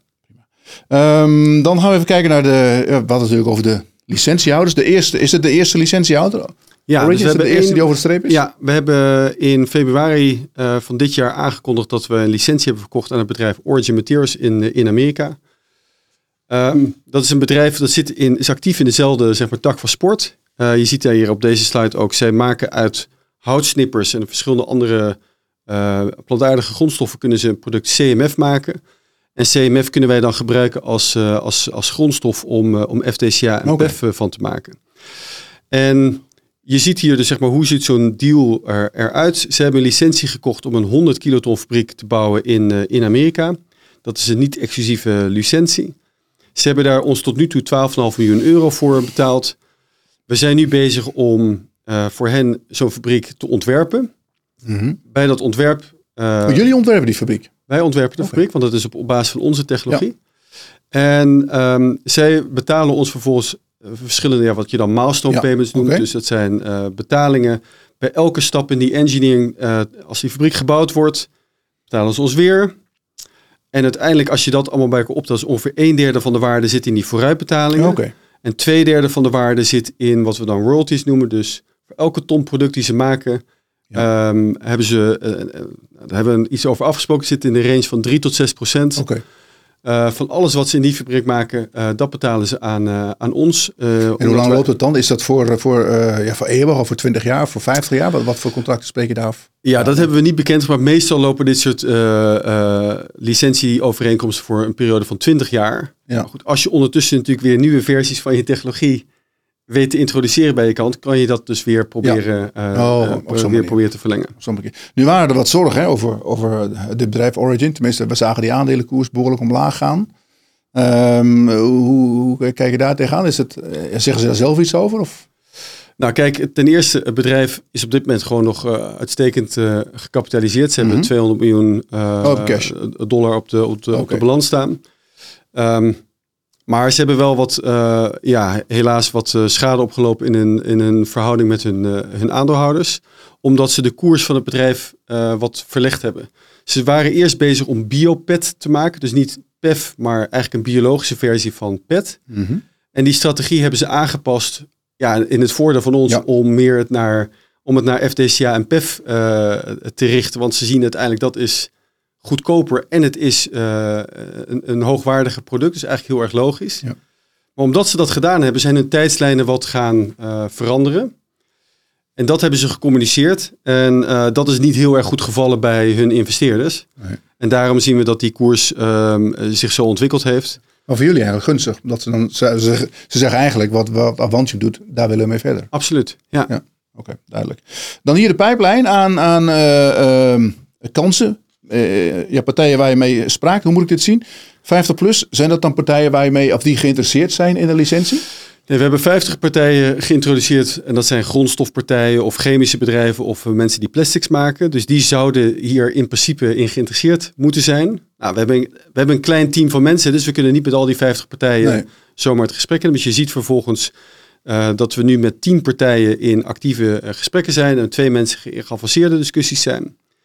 Dit zijn partijen over de hele wereld. Sommigen hebben bestaande fabrieken die ze kunnen ombouwen. Sommigen willen volkomen nieuwe fabrieken bouwen. Als je kijkt waar wachten zij nou op, want dat wil natuurlijk uiteindelijk iedereen weten van wanneer gaan dit soort deals zich nou vertalen. Ja. Want uiteindelijk is dat natuurlijk voor onze toekomstige omzet en cashflow is dat het, eh, is dat het belangrijkste. Dan zien we dat die partijen toch wat conservatiever zijn dan Origin en zullen dus wachten tot onze fabriek in Delfzijl draait. Die willen zien wat eruit komt. Die willen dat eerst, die zeggen jongens, laat eerst even zien dat het werkt. En dan pas eh, ehm, verwachten we dat zij eh, ook overgaan tot het tekenen van die overeenkomsten en het bouwen van grotere FDCA-fabrieken. Oké. En wat zijn het nou voor bedrijven? Moet ik dan denken aan chemische bedrijven? Of, of, uh, het is echt een mengs, mengsel van grondstofbedrijven, uh, chemische bedrijven en plasticsbedrijven. Dus we praten en het gaat over de hele wereld. Dus we praten echt uh, met bedrijven in Amerika, met bedrijven in, in Azië en natuurlijk ook in Europa. Um, en wat dat betreft is het natuurlijk wel heel mooi geweest dat we die licentie die met Origin hebben aangekondigd. Er zijn denk ik toch wel even wat ogen open gegaan van mensen van, hé, hey, wacht even. Nu moet ik wel even opletten, want anders dan ben ik ze direct te laat met ja. uh, het bouwen van dit soort Ja, ja, fabrieken. En het mooiste wat ik nu kan doen, ik kan ze meenemen naar Delfzijl. Ja. En daar zie je gewoon eigenlijk dat mensen zich dan pas realiseren, dit is echt aan het gebeuren. Dit is niet meer iets wat een toekomstdroom is. Dit is iets wat nu uh, gebeurt. Ja, oké.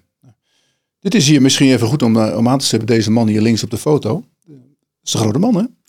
Ja, dat is uh, nou, in ieder geval het, het, degene die geweest uh, ja.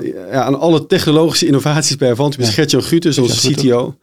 Um, een van de slimste mensen die ik in ieder geval in mijn leven heb, heb leren kennen. En in, in, 2005 was hij degene die eigenlijk het hele concept bedacht achter onze FDCA-technologie. Toen heeft letterlijk iemand zakje suiker uit de, uit de kantine gepakt. Oh ja? naar het laboratorium gelopen, heeft dat uh, opgelost in een beetje uh, alcohol, een beetje zuur bij gedaan, om te kijken of het concept werkte. Ja. Uh, dat zie je, zeg maar, die foto daar links. En, en dat is natuurlijk wel heel erg gaaf dat, we, ja. dat je er dan ook uiteindelijk nu bij bent. Dat zo'n uitvinding zich vertaalt echt in een innovatie die naar de markt komt. En dan zie je natuurlijk het midden, de fabriek die we nu aan het afbouwen zijn. Ja. Maar uiteindelijk ook dat het zich vertaalt naar producten die jij en ik ze direct in onze Albert Heijn kunnen kopen. Dus dat is wel heel bijzonder voor het team wat bij Avantium werkt, is dat we ja, die reis meemaken. En dat, ik geloof niet dat heel veel mensen realiseren. Dit is de eerste keer in de historie dat er een start-up een nieuw plastic materiaal naar de markt gaat brengen. Dat is nog nooit eerder gebeurd. Dat is Nee. altijd natuurlijk door de grote industrie uh, Ja. gedaan. Zoveel nieuwe plastics materialen worden er helemaal niet naar de markt gebracht. Dus, en dat, dat we zijn er nu zo dichtbij. Ja, daarom zou ik, je kan bijna aanraken. Maar het is nu zo, ik zit me af te vragen, want het, eh, er moeten toch ook heel veel eh, multinationals of zo, die, die nu echt geïnteresseerd zijn, die, die toch zien wat er gebeurt. Hè? Ik kan me voorstellen, tien jaar geleden dat ze dachten van, nou ja, wat daar gebeurt, dat weten we allemaal niet. Maar nu die fabriek er echt staat en terecht aankomt, krijgen niet heel veel, heel veel, eh, is niet heel veel interesse van partijen die, die nu mee willen doen? Of die zeggen, nou, wij willen op de wagen springen?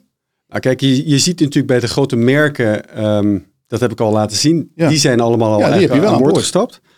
De chemische industrie is wat dat betreft ongenadig conservatief. Ja. Dus nog steeds merk ik dat mensen zeggen van oké, het is echt waanzinnig wat jullie gedaan hebben en enorm knap dat jullie eh, hier zijn gekomen. We willen wel even graag zien dat die fabriek werkt. Ja, ja, ja. En ehm, ja, dat is, eh, het, is iets wat frustrerend, Nico. Ja. Natuurlijk, eh, Zijn ze ons- bang voor hun eigen business of voor hun oude business? Of dat, dat ze niet Ah, willen zijn de- de- overschakelen? Ik denk dat je de olie- en chemische industrie wat dat betreft ziet, die proberen op dit moment heel Mhm. erg een bestaande business te beschermen. Die zien natuurlijk al die veranderingen komen. Ik zou zelf denken, eh, vanuit zo'n positie is het toch heel logisch om meer te kijken naar, hey, waar gaat het in de toekomst Ja. naartoe en hoe kan ik daar onderdeel van zijn? Uh, maar je ziet dat ze daar heel conservatief in, met name op dit moment kijken van, uh, ja, benadrukken dat we olie nodig hebben.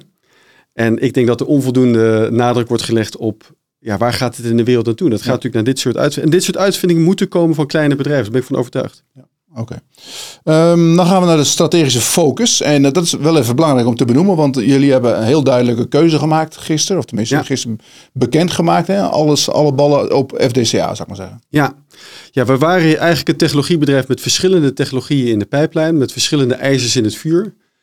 Maar we zien nu dat die FDCA en PEF-technologie dat dat zo ver is en dat het, ja, zoals ik net al zei, dat je bijna kan aanraken. Dat we uh, besluit hebben genomen van we gaan nu eigenlijk daar alle pijlen daarop richten. En we gaan onze financiën, onze brainpower echt richten op die FDCA en PEF-technologie. En um, vragen mensen natuurlijk, oké, wat doe je dan met die andere ijzers die Ja. je in het vuur had? Nou, daar zitten, uh, de, je, je, ziet hier op het scherm. Uh, de Volta. Volta-technologie, dat is eigenlijk om, uh, om materialen en chemicaliën te maken uit CO2. is heel erg veel interesse voor. Dus technologisch denk ik een super slim idee. Um, maar daar zien we zoveel tractie van uh, bedrijven dat we dat eigenlijk denken dat kunnen we gewoon beter financieren met partners. Oké, plaats van komt dat we het partner zelf bij. financieren. Dus we verwachten daar door te gaan, dat we naar een proeffabriek gaan bouwen. Zijn je in gesprek met partners daar, die, die daar waar je heel ver mee bent? Of, uh... Ja, we hebben tot nu toe twee bedrijven die, um, waarmee we samenwerken. SCG uit, uh, uit Thailand en Norsk Hydro, dus de grootste aluminiumproducent oh, ja. mm -hmm. in de wereld okay. uit Noorwegen. Maar we verwachten ook nog andere bedrijven. Er zijn natuurlijk heel veel bedrijven die CO2, veel te veel CO2 ja. emitteren. Dus ja. het is natuurlijk een hele interessante technologie om die CO2 als grondstof te gaan gebruiken. Um, nou, dan hebben we R&D Solutions. Dat is eigenlijk ja, de, de, de, de oude business van Avanti, wil ik bijna zeggen. Dat is de business die we uh, in het begin hebben opgezet op basis van de business die we van Shell hebben uh, oh, ja. geërfd. Wat komt er nog voor omzet uit? Is dat... Uh... Um, nou, afgelopen jaar hebben we daar iets meer dan 12 miljoen euro omzet. Ik kan nog okay. geen omzetverwachting voor dit, nee, nee, dit jaar geven, maar, maar die business groeit. Is een ja. gezonde groei. Um, en het, het, belangrijkste natuurlijk voor ons is het, het is iets wat winstgevend is. Dus ja. het is wat dat betreft een activiteit die financiert zichzelf. Financiert zichzelf. En rechts, ja, daar, dat is natuurlijk voor ons het, uh, het, uh, het moeilijke besluit. Als de je naar de volgende slide gaat, dat is die, ja. die plantmeg. Daarvan hebben we besloten, dit gaan we, uh, op dit moment gaan we verdere investeringen daarvoor stoppen. we gaan wel met een klein team kijken nog naar of we dit nog met partners kunnen doorzetten. Maar hier ging toch ja, meer dan 10 miljoen euro per jaar ging hier naar uit. Ja. Het zit nog wat verder van de markt af. We moesten daar ongeveer nog twee jaar gaan ontwikkelen voordat we nu een fabriek bouwen. En daar moesten we zoveel voor investeren dat we hebben gezegd, ja, hier gaan we het pijnlijke besluit nemen om dit ja. nu, uh, uh, deze investeringen stop te zetten. En al die uh, middelen toe, ja, aan te wenden voor FDCA en voor PEF. Omdat we daar zoveel tractie op hebben, is dat eigenlijk de meest logische beslissing. Nu zagen we op een eerdere slide, hè, hoe dat, hoe dat flesje werd gemaakt. Dan heb je, zeg maar... FDCA en FDCA en MEG. Ja. En MEG is wel een onderdeel van die, ja. die, die, fles. Dus betekent dat nou dat het minder duurzaam wordt of dat het niet meer te recyclen is? Nee, dat is, dat is een hele, je, kan het alleen maar, je kan PEF alleen maar maken als je MEG gebruikt. Nou, er is op dit moment één bedrijf in India wat al uh, biobased uh, MEG maakt uit suiker. Het is alleen best wel duur. Het is uh, echt een stuk duurder dan de MEG die je maakt uit aardolie. Ja. Maar onze klanten willen per se alleen maar alles van planten gemaakt Vandaar. krijgen. Dus we kopen het op dit moment uit India. Nou zijn er ook nog twee andere bedrijven mee bezig die dit ook aan het ontwikkelen zijn. Is één Scandinavisch bedrijf, UPM uit Finland bouwen een fabriek in Duitsland. Dus we verwachten wel dat we de komende jaren genoeg toegang hebben tot dit materiaal. Okay, ja. Het enige is, dat is allemaal duur. Dat is allemaal best duur. Dus mm -hmm. uiteindelijk in de verdere toekomst van Avantium, als we onze FTCA PEF technologie zeg maar verder gevorderd is en winstgevend is, dan kom ik hier graag op terug om te kijken van is het toch niet zinvol om deze technologie verder te ontwikkelen en te commercialiseren. Dat zou ook natuurlijk met, met partners kunnen. Maar op dit moment moeten we daar de keuze van maken van, ja. We, ja, we, krijgen het niet voor elkaar om beide technologieën uh, in nee. parallel te kunnen ontwikkelen. Dus focus op FDCA. Ja. Dat zijn daar. Nou ja, goed, dat, ja. dat moet ja, beleggers ja. in principe ook aanspreken. We houden wel van. Dat is zo. Die, goed, aan de focus vasthouden. Ja, het is natuurlijk voor werknemers natuurlijk, uh, want we hadden hier uh, natuurlijk toch best wel een, een, groot aantal mensen aan werken. Voor het team wat hier werkt aan hebben we een proeffabriek staan. 29 mensen, die hebben nu allemaal uh, geïnformeerd dat we ze gaan inzetten op onze FTCA. Ja, oh, daar heb je werk voor. Ja, daar hadden we ook nog best wel veel vacatures. Dus in, okay. en wat dat betreft hebben we dat probleem van die vacatures en recruitment hebben we kunnen oplossen door ja. die 29 mensen allemaal een baan aan te kunnen bieden in, um, op de grote fabriek, ja. de FTCA-fabriek. In Amsterdam zullen er wel een aantal arbeidsplaatsen gaan um, verdwijnen als een gevolg hiervan. En dat is natuurlijk ja. ook iets wat voor mensen wel consequenties heeft. Ja, begrijp ik. Dan, ja, het geld natuurlijk, hè, want het moet wel betaald worden allemaal. De funding is belangrijk. Jullie hebben al enige tijd geleden van mij al gezegd van nou, we moeten, we moeten nog een keer geld ophalen. Dat gaat nu gebeuren. Ja. Volgend jaar, begin volgend jaar waarschijnlijk. Um, ja, misschien even goed om, om aan te geven uh, ja, waar je het geld voor nodig hebt, wat er allemaal aan de hand is.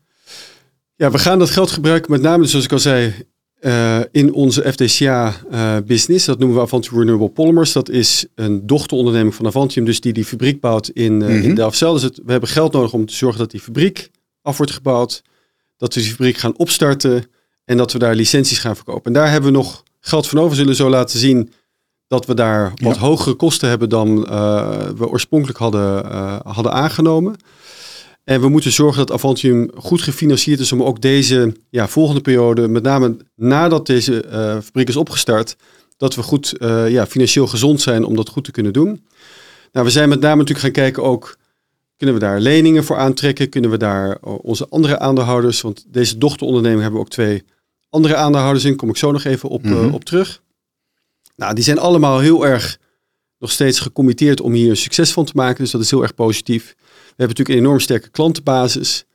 We hebben een goede licentiepijplijn. Dus wat dat betreft, het stuk wat nog niet is, is nu eh, financiering. En dat is wat we dus Ja. gisteren hebben aangekondigd. Ik zat te denken als een Albert Heijn of zo. Hè? Is dat dan niet een partij die zegt van wij doen ook mee? Of, of willen die bedrijven dat eh, eh, niet die rol op zich nemen, zeg maar?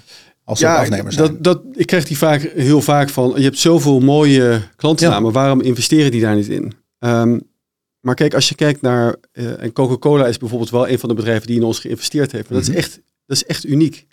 Want Coca-Cola heeft geen glasfabrieken, ze hebben geen aluminiumfabrieken, ze hebben geen petfabrieken. Ze zijn wat dat betreft natuurlijk eigenlijk een marketingmachine en daar wordt hun geld op toegelegd. Dus als je kijkt naar Albert Heijn, dat is een supermarkt. Die willen hun geld investeren in de supermarkt. Ja. En dat is, ehm, dus dat is, dat hebben we heel veel discussies over gehad. Ehm, maar uiteindelijk eh, ja, moeten we heel goed kijken waar we onze financiering vandaan kunnen halen. En eh, daarvoor zijn we natuurlijk al een aantal maanden in gesprek, ook met een aantal nieuwe investeerders. En wat dat betreft verwachten we dat het geld binnen zal komen van zowel van nieuwe investeerders en een deel van onze eigen aandeelhouders. Bestaande aandeelhouders die kunnen dus meedoen door middel van waarschijnlijk een claimemissie. Of hoe gaat zoiets eruit zien? Ja, dat hebben we gisteren dan nog niet eh, aangekondigd. Natuurlijk een hele terechte vraag. Hoe gaat dat, hoe gaat dat eruit zien? We hebben aangekondigd we gaan 50 miljoen ophalen. Met nog een Mhm. mogelijkheid om nog eventueel eh, dat op te hogen naar 70 miljoen. Ehm, het instrument daarvoor, dat is nog niet aangekondigd. Ehm, het zou, een, eh, eh, zoals je zegt, een claimemissie kunnen zijn. Dat hangt ook met name af van ja, de voorinschrijving die we krijgen van zowel Ja. nieuwe als bestaande investeerders. Voorafgaand aan onze Capital Markets Dag hebben we een aantal grotere investeerders van Avantium Ehm, hebben we geïnformeerd onder natuurlijk allemaal mooie juridische documenten om te zorgen dat ze dat eh, niet konden gebruiken als, als voorkennis. En we zien dat die grote investeerders supportive zijn en ook, eh, ja, denk dat alle voortekenen zijn dat zij zich ook zullen gaan eh mee gaan doen aan deze ronde. En eh, ja, dan kunnen we kijken welk instrument is het beste om deze eh, financieringsronde te laten, laten plaatsvinden. Ja, het is dus niet zo dat het hele bedrag waarschijnlijk opgehaald gaat worden bij, via een claimemissie. Maar dat is e- echt wel een paar hele grote aandeelhouders. Ja. Dat die eh, eh, ook helpen, zou ik maar zeggen. Ja, Ja. zeker. Oké, dan gaan we even kijken waar het geld voor gebruikt wordt. Want ik, ja, ik las, eh, het stond in de FD volgens mij, want die, die sprak van een tegenvaller in Delfzijl. Dat het eh, allemaal een beetje tegenviel daar. Ja, dat heb ik natuurlijk ook gezien, eh, Nico. En ehm, ik heb wel vaker moeite met een aantal van de koppen die in het Financieel Dagblad eh, komen te staan. Ik vind de, eh, eigenlijk toch ja, daar wel vrij zuur in. En ik, ik, aan de ene kant begrijp ik het wel. Kijk, iedereen mag kritisch hier naar kijken. Dat is natuurlijk helemaal prima. Maar we moeten het wel een beetje zien in de, in de context. Als je kijkt naar deze fabriek en je ziet hier de nieuwe getallen. Hè, dus we hadden links de getallen wat we dachten dat die fabriek ging kosten. Ja. En de rechterkant eh, zie je dan wat, we, wat onze inzichten nu zijn. Kost je zeg maar 60 miljoen extra, 65 miljoen als ik het zo Ja. snel, 64. En waar zit dat verschil in? Dat zit in inflatie. Ik bedoel, eh, vlak nadat we de investeringsbeslissing hadden genomen, is er een oorlog begonnen in eh, de Oekraïne. Er zijn natuurlijk enorm veel supply chain problemen ontstaan. Er is enorme inflatie ontstaan. Dat was eind 2021 nog niet het geval. De rente is daarom enorm opgelopen. Het valt mij eerlijk gezegd nog mee, want ik, je hoort inderdaad, alles wordt gewoon duurder. Dat is ook zo. Ah, en dat is natuurlijk een beetje voor Ja, ons het frustrerende. Kijk, als mensen uit de industrie naar deze getallen kijken, die zeggen, jongens, jullie doen het echt hartstikke goed. Als wij Ja. kijken naar de kosten die we zelf onder controle hebben, dus de- wat je dan scope changes noemt, dat is maar 4% omhoog gegaan. Ja, ja. Dat is voor een, een nieuwe fabriek is dat een enorm eh, goede eh, prestatie. Dus ik vind het, en bovendien moet je niet vergeten, wij hebben al anderhalf jaar de markt gewaarschuwd dat de kosten hoger zouden zijn. Ja. Dus dit is wat dat betreft om te zeggen van, nou, dat is een enorme tegenvaller. ja, ja ik, dat is een beetje ik kijk hier eh, echt de naar, dit, dit project is, is echt heel erg succesvol. Ehm, ik begrijp natuurlijk wel dat mensen eh, even moeten slikken als ze zien dat er dan extra geld bij moet. Ja. Maar ik denk wel dat we heel erg goed hebben kunnen uitleggen waar dat vandaan komt. Ja. Nou, Hier zien we dat bedrag, hè? Jullie zijn niet de enige die, die eh, tenminste de, de, de emissie is niet het enige wat geld vandaan komt, begrijp ik. Ehm, ja, die, want- die, die twee kleinere bedragen, dat zijn de andere aandeelhouders in het... eh, Ja, dus we hebben kleinere aandeelhouders in eh, deze dochteronderneming zitten. Dat is Worley, dat is de engineering contractor die de fabriek Oh ja. bouwt. Voor het eerst in hun historie investeren ze ook eh, in het project waar ze, wat ze zelf bouwen. Dus een- echt wel uniek. En ze zijn dus ook bereid om daarin uh, door te investeren. Waarom doen ze dat? Is, is dat want het, ja, hopen ze dan dat ze ook de andere fabrieken mogen bouwen? Of, of zien ze daar toekomst? Dat ze nou, ja. als we dit kunnen, dan gaan we ook die fabriek in Amerika bouwen straks bijvoorbeeld? Nou, Worley zet enorm in op, op duurzaamheid. En die geloven dat dit uiteindelijk echt ook in hun business, dat dit zeg maar de toekomst gaat worden. Dus daar willen ze zich ook goed voor positioneren. Maar het is natuurlijk heel logisch dat zij de volgende fabrieken gaan ontwerpen en wellicht ook gaan bouwen. En daar ligt natuurlijk een enorme uh, kans voor hen voor, uh, voor in de toekomst. Um, dus het past gewoon heel erg goed in hun strategie. Um, dus dat is één aandeelhouder. Dan is de andere aandeelhouder is Groningen. Ik zei al, Groningen ja. wil heel graag een groene hub, uh, groene chemiehub in, in Delfzijl bouwen. En daar wordt dus ook geld, is ook geld voor geïnvesteerd. Die investeren nu dus ook weer mee. Mm -hmm. Er zijn Nederlandse banken, dus ABN AMRO, ASN, ING, Rabobank en InvestNL investeren in. En ook zij uh, doen dus 15 miljoen euro extra. Ja. Um, overigens goed te zeggen dat de Nederlandse overheid ook daar weer uh, garantie de, op, op, uh, op zal geven. Dus daarmee kom je ja, op een stuk wat, wat hartstikke mooi is. Maar dat betekent dat Avantium als 77% aandeelhouder natuurlijk ook nog een stuk uh, zou moeten ja. doen. En dat is die um, uh, ja, ruim 40 miljoen euro die, uh, die wij zullen moeten investeren. Die komt daar vandaan. En dat is dus het grootste stuk van ja, onze aandelenemissie. Ja. Komt door, die, uh, door ons aandeel wat wij hierin in zullen, gaan, zullen gaan financieren. Ja, begrijp ik. Oké. Okay. Er staat ook bij hoe het gebruikt wordt. Hè? CAPEX, OPEX. Dus ehm, ja, dat hebben we net ook, ook, ja. net ook laten zien. Ja. Um, het gebruik van het geld? Ja, dus dat is die 40 miljoen die we net lieten zien. Dus dat gaat uh, van die 50 miljoen gaat 40 miljoen naar uh, FDCA en PEF. Uh, een stukje gaat naar General Corporate Purpose. We zijn natuurlijk wat dat betreft gewoon een bedrijf wat ook een financieel gezonde balans moet hebben. Nog een klein stukje wat we in die CO2, elektrochemie, Volta technologie investeren. Dus zo, zo zet die 50 miljoen eruit. Nou, het liefst zouden we 70 miljoen euro financieren. Ja. Moeten kijken of we daar de ruimte voor krijgen. Maar we vragen aan onze investeerders, in ieder geval onze aandeelhouders, om in totaal 70 miljoen euro aan nieuwe aandelen te mogen uitgeven. En uh, we richten ons in eerste instantie om, te, om uh, in het begin van volgend jaar 50 miljoen euro aan nieuw kapitaal op te halen. Ja, als het geld er nou is straks, um, heb je dan voldoende cash en, en, en om, om het zeg maar te redden tot die 100 miljoen omzet er is over een aantal jaren? Nou, daarom zouden we het liefst die 70 miljoen euro ophalen. Mm -hmm. Die 50 miljoen dan moet alles eigenlijk goed gaan. Dus daarom het denk ik verstandig als we 70 miljoen ophalen. Een buffertje. Dan hebben we een buffer voor wat uh, als er nog enige tegenvallers zouden zijn. Um, en ja, daar gaan we natuurlijk vanuit dat die fabriek goed opstart, dat we licenties gaan verkopen. Maar dit is inderdaad wat dat betreft het kapitaal wat er voor nodig is om die strategie uit te voeren. Oké. Okay. Nou, dan gaan we kijken naar de toekomst. Ja, jullie worden een echt bedrijf met omzet en ja. eventueel straks ook winst. Ja. EBITDA, EBITDA, marge. Um, ja, hoe gaat het eruit zien, Tom? Nou, er zijn eigenlijk drie onderdelen die je dan gaat zien in de omzet uh, die Avantium uh, verwacht te gaan maken. We hebben de bovenste, dat is eigenlijk onze bestaande business die we nu al hebben. Dat is die R&D Solutions business. Mm -hmm, ja. Die groeit, dus dat verwacht dat die groei gaat doorzetten. Maar de nieuwe dingen zijn dan met name FDCA en PEF. Dan heb je natuurlijk eerst de fabriek die we opstarten. Nou, we hebben al gezegd 5000 ton, prijs 8 tot 10 euro per kilo. Dus dat wordt ongeveer 45, 50 miljoen euro aan mm. omzet erbij. Plus we verwachten licenties te gaan verkopen, dat is het onderste stuk. Daar zullen we de eerste jaren met name die milestone payments, dus die aanbetalingen voor krijgen. Uiteindelijk als die nieuwe fabrieken gebouwd zijn, dan komen daar royalties uit. Ja. En dat is natuurlijk de fase die fijn is, want dan krijg je gewoon elk jaar een, uh, een, een, stabiele kaststroom voor binnen. De eerste jaren zal het wat dat betreft iets meer, iets meer uh, ja, schokkerig zijn, omdat we aanbetalingen krijgen. Het is altijd moeilijk te voorzien welk jaar die precies komen. Maar zo verwachten we dat ons uh, financiële profiel zich de komende jaren gaat ontwikkelen. Oké, okay. nou, dan kijken we naar de groei. Want daar gaat het natuurlijk allemaal om. Het uh, kan best hard gaan. Als je die totale markten die je hebt geschetst, die zijn enorm. Maar de vraag is natuurlijk hoeveel kan je ervan pakken? Ja, nou, we kijken eigenlijk hier naar toch vrij korte termijn wat ons uh, betreft. Dat is tot 2026. Dan verwachten we hebben één licentie verkocht, die aan Origin mm -hmm. Materials. Dan zie je dus op een gegeven moment vanaf 2025 zie je daar ook stuk inkomen van onze omzet uit onze fabriek in Delfzijl. En het, uh, dat, het, uiteindelijk het echt grote stuk is natuurlijk uit licentieinkomsten. En dan zie je al hoe ver die in de toekomst gaat kijken, hoe groter, maar ook hoe onzekerder dat wordt. We verwachten in 2026 vijf licenties te hebben verkocht. Dan kom je tot 100 miljoen euro omzet. De vraag is natuurlijk wat er daarna gaat gebeuren. Dat, die vraag krijg ik natuurlijk heel vaak. Ja. Hoe gaat, hard gaat het daarna? Mhm. Ja, dat is ontzettend moeilijk om daar nu een inschatting van te geven. We gaan als je maar... fantaseert, wat, wat, wat, wat, is er, wat is er mogelijk? Nou, als je gaat kijken, als jij in totaal eh 10% van die eh, eh, markt zou, zou willen krijgen, dan, dan, moet je het echt, dan heb je het over veel meer licenties. Ik bedoel, Ja. we hebben het nu over 500 kiloton licenties, maar dan heb je het over eh, ehm, tientallen eh, 250 kiloton licenties. En dan gaat dus die tweede curve, als dat op een gegeven moment gaat, dan kan het ook exponentieel eh, hoog. Alleen dat is heel moeilijk om daar de timing daarvan te bepalen. Hoe snel gaat het?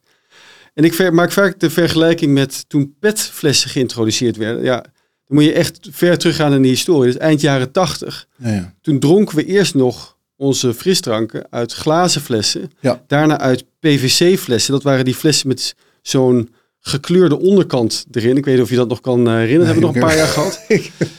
En toen kwam opeens kwam Coca-Cola als eerste partij met een petfles. ja, ja. En eh, in het begin was die veel duurder. Mhm. Dus in het begin was iedereen sceptisch van nou, maar de consument omarmde de petfles, want het was veel lichter ja. dan die glazen fles. En ze vertrouwden die PVC-fles niet, omdat ze toch, daar zit chloor in, Mhm. misschien wel gezondheidsissues. En dus die petfles, dat ging zoveel harder dan mensen hadden voorzien. Ja, ja. En in een paar jaar tijd werd eigenlijk die hele markt overgezet naar petfles. Ja, nu kan je het je niet meer voorstellen. want We drinken alles uit eh, Ja. dat materiaal nu. Ja. Nou, als je nu dus PEF naar de markt gaat brengen, ja, ik heb geen idee hoe hard dat gaat. Kijk, als Nee. die consument dat op dezelfde manier gaat doen, er zijn nu veel meer consumenten dan eind eh, jaren tachtig, dan kan het dus heel erg hard gaan. En dan ga je een, eh een groeicurve zien, die past niet op, deze, past Nee. niet op, de, op dit scherm. Oké, nee, het hangt dus een beetje af van de adoptie van, van Ja. de, de zou ik maar zeggen. En, en alle andere producten waar het ook in kan, want dat zit er ook nog aan te komen natuurlijk. Ja. Oké. Ehm, nou, eh, hier even een... Ja, dus meer een samenvatting van wat we eigenlijk de dingen die we al eh, besproken hebben. We zijn natuurlijk bezig om eh, die fabriek eh, af te bouwen, om te zorgen dat die on stream gaat komen. We zijn natuurlijk wel op dit moment ook echt wel erop gericht om te zorgen dat we onze qua kosten echt gedisciplineerd zijn. We bereiden ons echt voor om een commercieel Mhm. bedrijf te worden. En hetgeen wat we daarvoor nodig hebben is zorgen dat we goed gefinancierd zijn. En dat is het allerbelangrijkste nu. We organiseren op 24 januari een, een, aan, een buitengewoon aandeelhoudersvergadering. Daar verwachten we eh, de support te krijgen van onze aandeelhouders om deze eh aandelenemissie eh, te kunnen doen. Ja. En dan zullen we die aandelenemissie doen om te zorgen dat het bedrijf goed gefinancierd is. ik zie hier een, een bedrag staan van 500 miljoen. Is dat het bedrag wa- wat je zeg maar aan, aan, eh, aan contracten hebt met, met afnemers, met toekomstige afnemers? Ja, dus dat, De Carlsberg en Coca-Cola's van deze wereld? ja, dus dat is, daar, daar zitten onze afnamecontracten in. En daar zit ook onze licentiedeal met, eh, met Origin Materials in. Dus als je al die contracten bij elkaar optelt, die afnamecontracten die we hebben getekend, die zijn voor vijf jaar. Als je die allemaal elkaar optelt, ehm, plus die licentieovereenkomst met, eh, met Origin, dan kom je tot, eh, tot 500 miljoen euro. Eh, de key takeaways, ja, dat zijn echt de, de, de headlines, zou ik maar zeggen. Ehm 15 off-takes. Bet- Betekent dat dat die, die fabriek in, in Delfzijl, is het als die straks eh, operationeel is, hè, over eh, laten we zeggen anderhalf jaar, eh, eh, ben je dan helemaal uitverkocht? Is, gaat al, is alles verkocht wat er gemaakt wordt al? Of Ja, heb- eigenlijk is er nog ruimte over? Ja, we, we, we hebben eigenlijk voldoende afnamecontracten om volledige capaciteit te kunnen Ja? draaien. Maar we, we zijn nog steeds bezig om nieuwe klanten aan boord te halen. Kijk, Maar kan je Het wel leveren dan als die klanten zeggen... eh, ja, goed, als jij een, eh, een ticket boekt bij KLM om naar Barcelona te vliegen, dan verkoopt KLM ook iets meer eh, tickets dan de plekken die ze in het vliegtuig hebben. Ja, en zo gaat het in de chemische industrie ook. En uiteindelijk allokeer je dan het product wat je, wat je hebt. ja. Want kijk, wat wij niet willen is dat wij strikt die fabriek hebben draaien.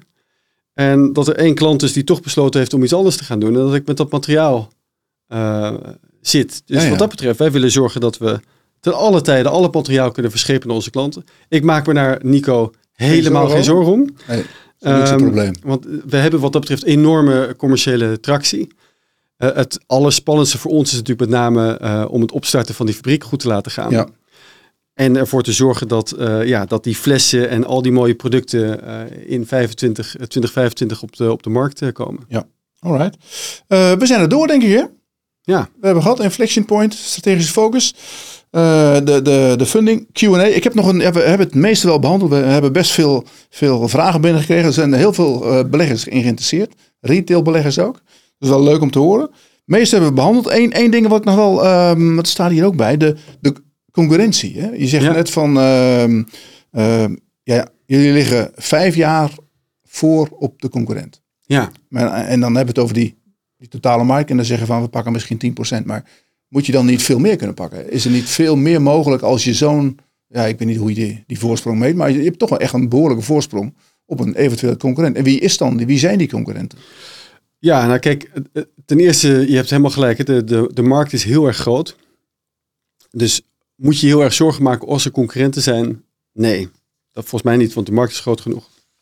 Maar als ik kijk naar die concurrentie die er zijn, is er één bedrijf uit uh, Zweden, Stora Enso.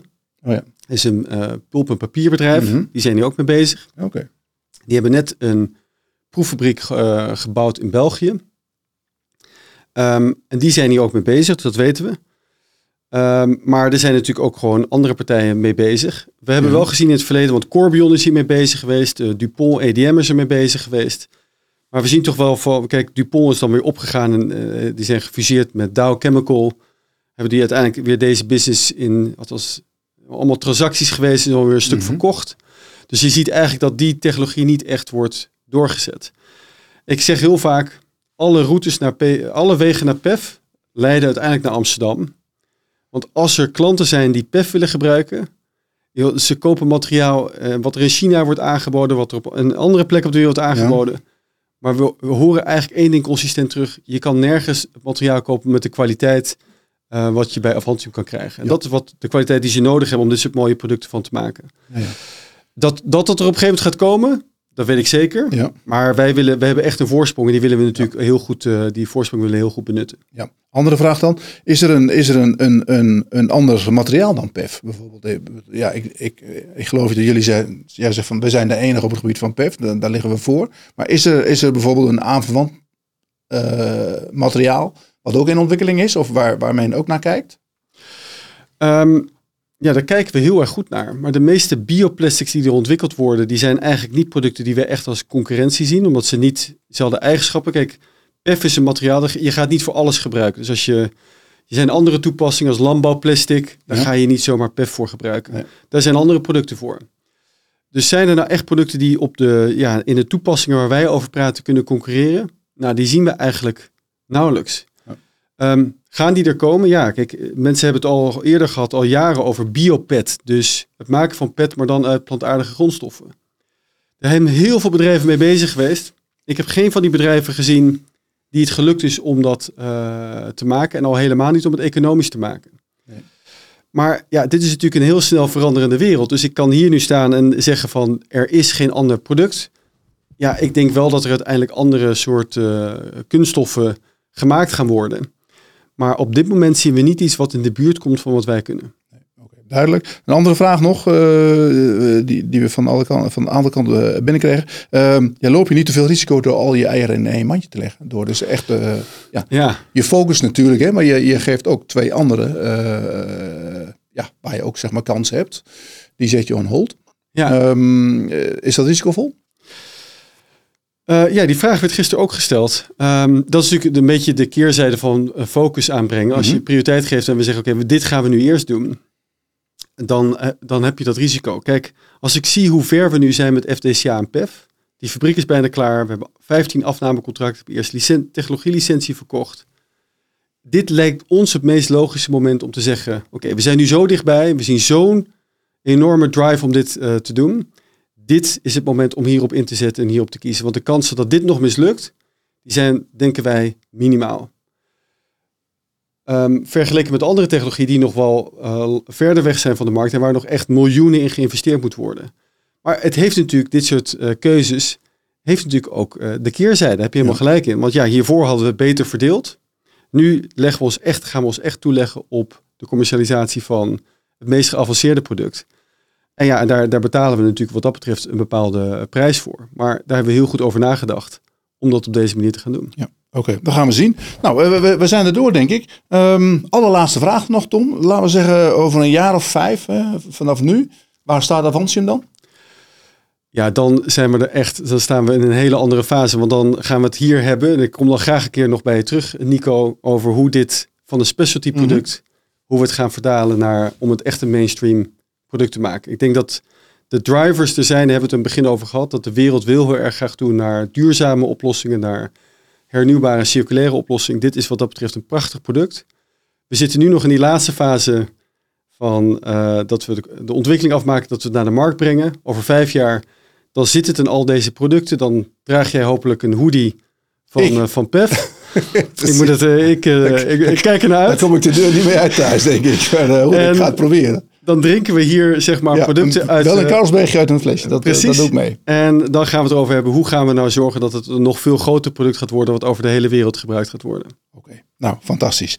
Tom, fantastisch dat je hier was ook. Ik vond het leuk eh, eh, met je te praten. Ehm, ik hoop dat eh, mensen thuis er eh, wat aan gehad hebben. Dat we eh, echt verduidelijk hebt hoe de vork en de steel zitten bij Avantium. Wat eraan zit te komen. Eerst volgende punt is dus die aandeelhoudersvergadering. Ergens in januari, eind januari geloof ik hè? Ja, En eh, dan zullen we dan wel zien hoe het eh, gaat verlopen. Bedankt voor het kijken allemaal. Bedankt voor het insturen van, eh, van jullie vragen. En jij bedankt voor het antwoorden van je aanwezigheid hier. dankjewel Nico. Tot de volgende keer.